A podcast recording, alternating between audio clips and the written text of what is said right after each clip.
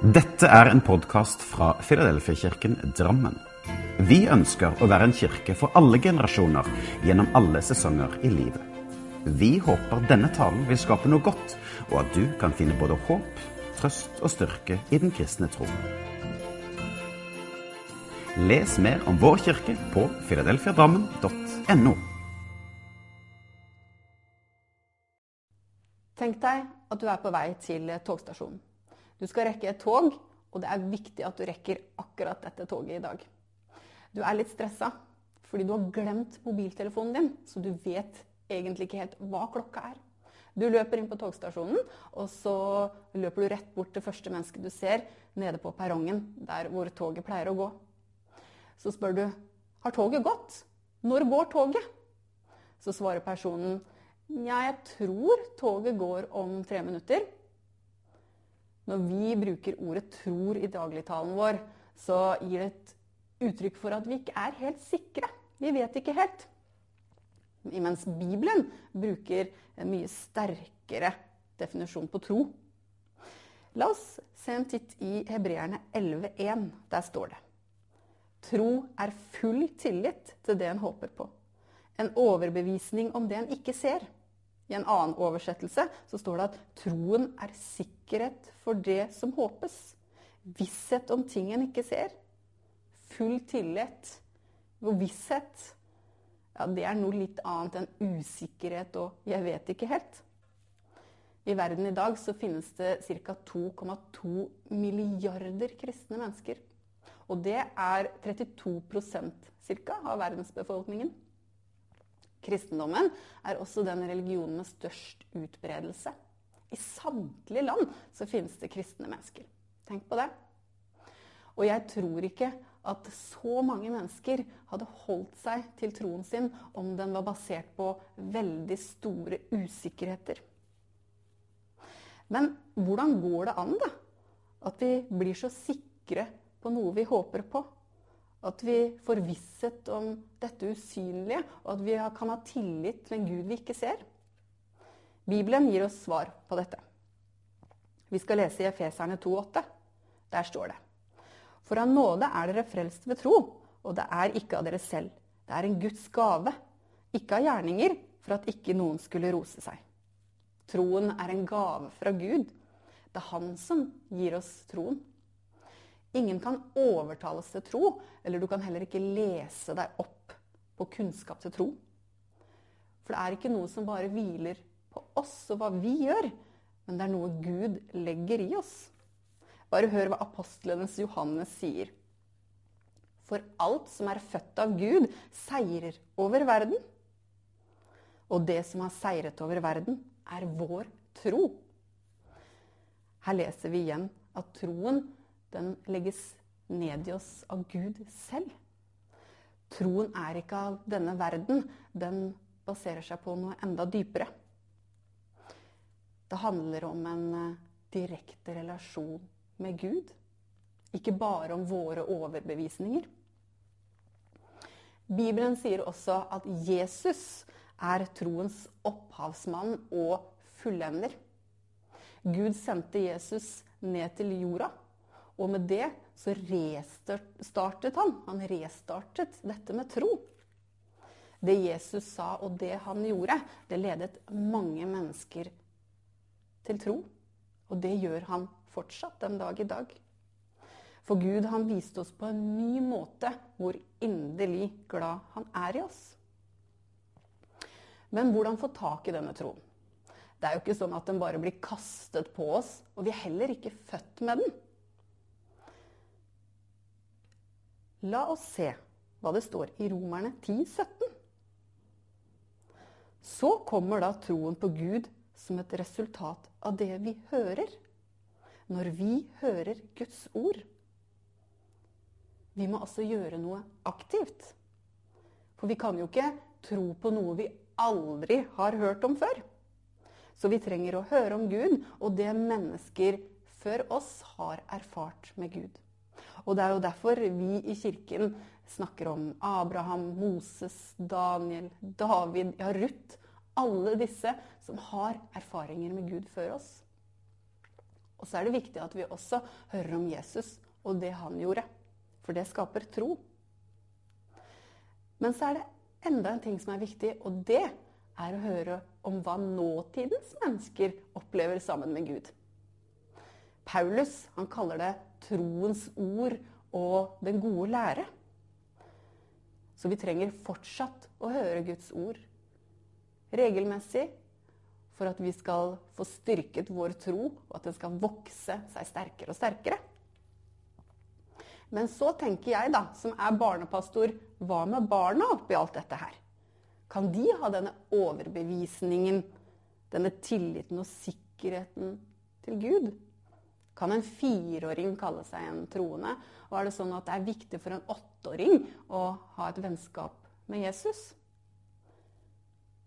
Vi skal igjen gå inn i Bibelen og se hva det står der. I 2. Timoteus 3, 14-15 så står det og helt fra barndommen av så har du kjent de hellige skrifter som har kraft til å gjøre deg vis til frelsen ved troen på Kristus Jesus. Paulus han snakker her til jøder. Og de er flinke til å undervise barna sine helt fra de er små. Det var de da, og det er de også nå. Og det er vi kristne også. Og kunnskapen skal ikke undervurderes. Men det fremgår her at det er kraften i Guds ord som fører til tro. Så det du hørte om Gud og Jesus da du var liten, det er med å føre deg inn mot tro. Men så er det mange av oss da, som ikke kanskje har hørt så mye om dette da de var små. Selv så kan jeg huske da jeg var liten at jeg var på søndagsskolen et par ganger. Og jeg husker veldig godt at jeg ble veldig fascinert av de fortellingene som jeg hørte om Jesus og hva han gjorde. Men én ting jeg husker veldig godt, det er også disse små, nydelige, søte gullfiskene som vi fikk klistret inn i oppmøtekortet vårt. Og etter hvert så fikk jeg også kristen kristendomsundervisning på skolen. Og utover det så fikk jeg liksom ikke tak i hva dette med tro egentlig var.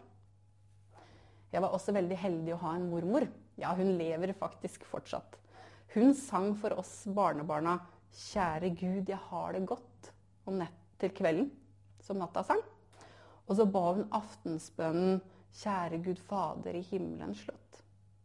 Og det har festet seg i mitt hjerte. Og det ble nok min trosopplæring i min barndom. Jeg ser tilbake på det nå som noe viktig og som noe veldig fint å få med seg. Men så var det ikke før jeg var 15 år at jeg skjønte at Gud, han er en realitet. Og han ønsker en relasjon med meg. Det lille jeg fikk av kirkebesøk, nattasang og kristendomsundervisning på skolen. Det var som små frø av kunnskap som jeg senere kan se hadde en stor betydning for min trosreise. Men troen på Jesus som et forbilde og som en levende venn, den fikk jeg i ungdomsåra. Det vi har vært inne på nå, er egentlig to sider av dette med tro. En teoretisk at vi hører forkynnelse av Guds ord, og med det opparbeider oss kunnskap om hvem Gud er. Og det er viktig. Den andre siden er den praktiske. At vi lever med Gud som vår far, vår venn, vår veileder i livet vårt og i daglig, dag, hverdagslivet i dag. Men kan barna ta del i dette? Og hvilket syn har Gud egentlig på barna? Da leser vi i Matteus 18, 1-5. Nettopp da kom disiplene og spurte Jesus, 'Hvem er den største i himmelriket?' Da kalte han til seg et lite barn, stilte det midt iblant dem og sa, 'Sannelig, jeg sier dere, uten at dere vender om og blir som barn, så kommer dere ikke inn i himmelriket.'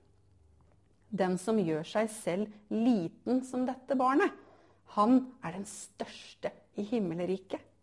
Og den som tar imot et slikt lite barn i mitt navn, tar imot meg. På den tiden da denne hendelsen skjedde, og da Jesus sa dette, så var det slik at et barn hadde veldig lav status og liten verdi i samfunnet.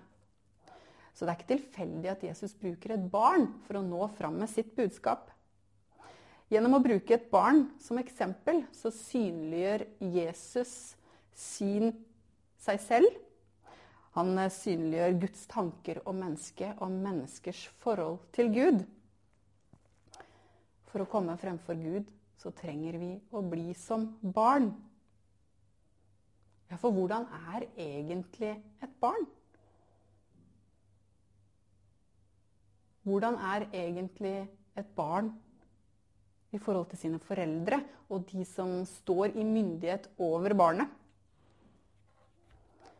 Vi kan si at et barn har full tillit til og søker anerkjennelse og omsorg av de som står over. Ikke minst er et barn helt avhengig av den omsorgen og kjærligheten og den næringen det får for å vokse inn i et godt liv. Vi som voksne må bli som barn i forhold til Gud. For på samme måte som et lite barn er helt avhengig av sine foreldre, så er vi som voksne avhengig av vår far i himmelen. Jesus sier også her at den som tar imot et slikt lite barn i mitt navn, tar imot meg. I dette ligger et klart budskap om at barna er en del av Guds rike. Han stiller faktisk barna på lik linje med seg selv. Jeg tror at Jesus han ønsket å snu denne holdningen i samfunnet som handlet om å rangere menneskers verdi. For i Guds øyne så står vi alle på lik linje innenfor ham. Og det inkluderer barna. Jesus han tar altså frem et barn som rollemodell for troen, og uttrykker klart barnets verdi innenfor Gud. Du har kanskje hørt historien om da Jesus metter 5000 mennesker. Det finner vi i Johannes 6. Og der leser vi om den lille gutten som kommer til Jesus med nistepakka si. Og ved hjelp av Guds under så gjør Gud dette til mat nok for den store folkemengden som sitter oppe i fjellkanten sammen med Jesus og disiplene. Ved at, ved at et barn var villig til å gi det lille denne gutten hadde, så ble det til stor velsignelse for flere tusen mennesker. Denne historien syns jeg er kjempenydelig, og den forteller meg spesielt to ting. At Gud kan bruke et barn som en viktig rolle i hans plan og hans handlinger. Og det andre er at vi kan få lov å komme med det lille vi har. Ja, ofte så er det jo sånn at jeg også kjenner på det at det lille jeg har og har å komme med, det er jo ikke mye i den store sammenhengen. Og er det egentlig nok? Men ja, fordi for Gud så er ingenting umulig. Og han kan ta det lille vi har, og gjøre det til stor betydning i menneskers liv.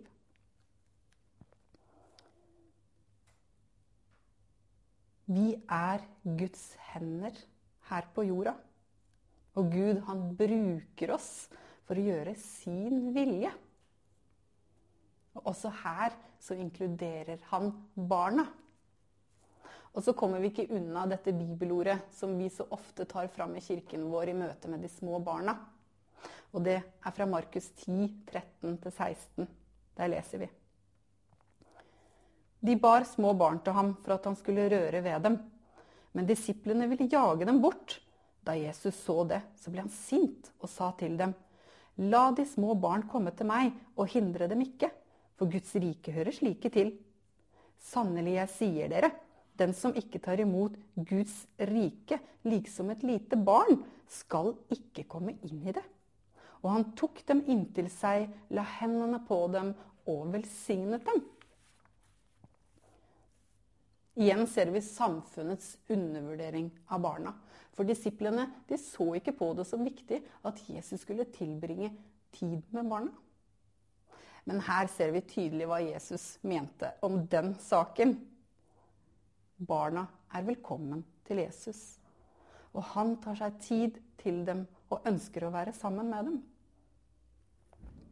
Og igjen så sammenligner han de voksnes forhold til Gud gjennom et barn. Barna har en tydelig plass hos Gud, på lik linje som alle oss andre. Og vi skal ikke stoppe barna.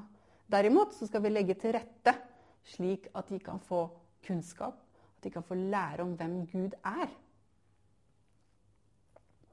Og vi skal også legge til rette slik at de, når de er klare, kan få ta imot troens gave.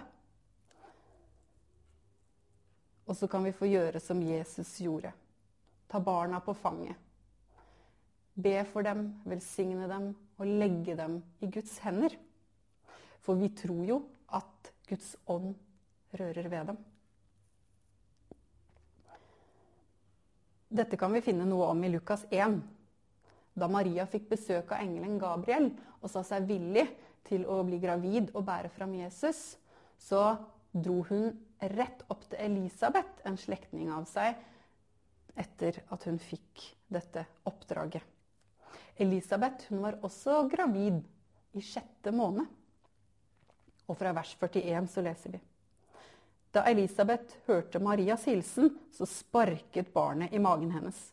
Hun ble fylt av Den hellige ånd og ropte høyt. Velsignet er du blant kvinner, og velsignet er frukten av ditt mors liv. Men hvordan kan det skje at min Herres mor kommer til meg? For da lyden av din hilsen nådde øret mitt, så sparket barnet i magen min av fryd. Og salig er hun som trodde, for det som Herren har sagt henne, skal gå i oppfyllelse. For da lyden av din hilsen nådde øret mitt, så sparket barnet i magen min av fryd. Tenk at det lille barnet i magen til Elisabeth reagerte så sterkt på det Maria sa. Guds ånd var uten tvil til stede. Og ikke bare rørte Guds ånd ved de voksne, men også ved barnet, som ikke engang var født. Så ja, barna kan oppleve Guds nærvær akkurat som oss voksne. Til slutt så vil jeg også bare nevne en ting som handler om Guds omsorg. Den er der også for barna. I Markus 5 så leser vi om den veldig syke jenta som ligger for døden hjemme i senga si. Men Jesus han kommer inn, tar henne i hånda og gjør henne helt frisk. Så Gud han er nær også barna. Så hvordan kan vi da oppsummere alt det som vi har snakket om nå? Er det slik at tro er for alle uansett alder? Og kan barna ha et personlig vennskap med Jesus? Tro er en gave fra Gud. Den er til alle som tar imot den. Vi begynner alle vår trosreise på ulike plasser i livet. For noen er det i søndagsskolen når du er liten, mens for andre så er det kanskje når du kommer på gudstjeneste første gang i voksen alder. Men felles for oss alle er at det starter med at vi hører Guds ord. Alle, alle vil vi ha med, synger vi en barnesang. Og ja, det er sånn det er for Gud. Han ønsker å være sammen med alle. Vi er skapt til å ha en relasjon med vår skaper. Og når vi er modne til å ta imot trosgaven, så kan vi få lov til å åpne hjertet og ta Gud med inn i livet vårt. Et barns tro kan være så enkel og ukomplisert. Et barn setter sin fulle tillit til Gud og er ydmyk framfor sin far i himmelen. Vi ser at Gud han bruker barna i viktige situasjoner. Så ja, tro er for alle, også for barna. Og Gud, han ønsker å være venn med og bruke tid også med barna. Ja, for Jesus han bruker til og med barna som rollemodell og eksempel på tro.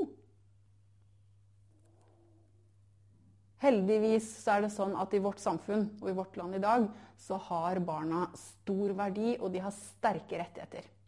Og det håper jeg at vi skal ta med oss inn i kirkene våre også. Togreisen. Trosreisen, den er som en togreise. Du må selv velge å gå på toget. Og det er ingen som kan tvinge deg. Du må selv ta imot trosgaven og frelsen. Det kan skje når du er fem år, eller det kan skje når du er 70 år. Og mange kan jo ikke si når trosreisen startet, for de har jo kjent Jesus hele livet, sier de. Du kan få gå på toget når du er klar. Selv så gikk jeg på toget da jeg var 15 år. Og jeg har ikke angret i det hele tatt på det. Og jeg kjenner at troen den skaper en sånn ekstra fantastisk dimensjon i livet. Livet, det er uforutsigbart. Og det går ikke alltid på skinner, sånn som et tog gjør. Vi har alle dager der troen vår blir utfordret av tvil. Men da er Gud med i denne usikkerheten. Gud kommer oss til hjelp. Og som vi leste i stad troen seirer over verden, og dermed også over tvil. Jeg har valgt å reise sammen med Gud.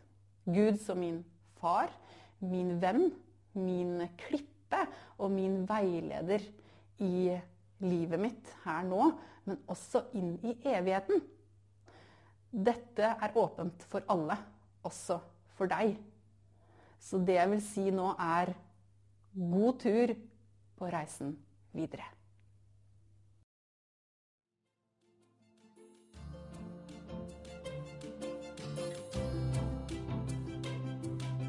Som en avslutning på denne podkasten ønsker vi å lyse Herrens velsignelse over deg.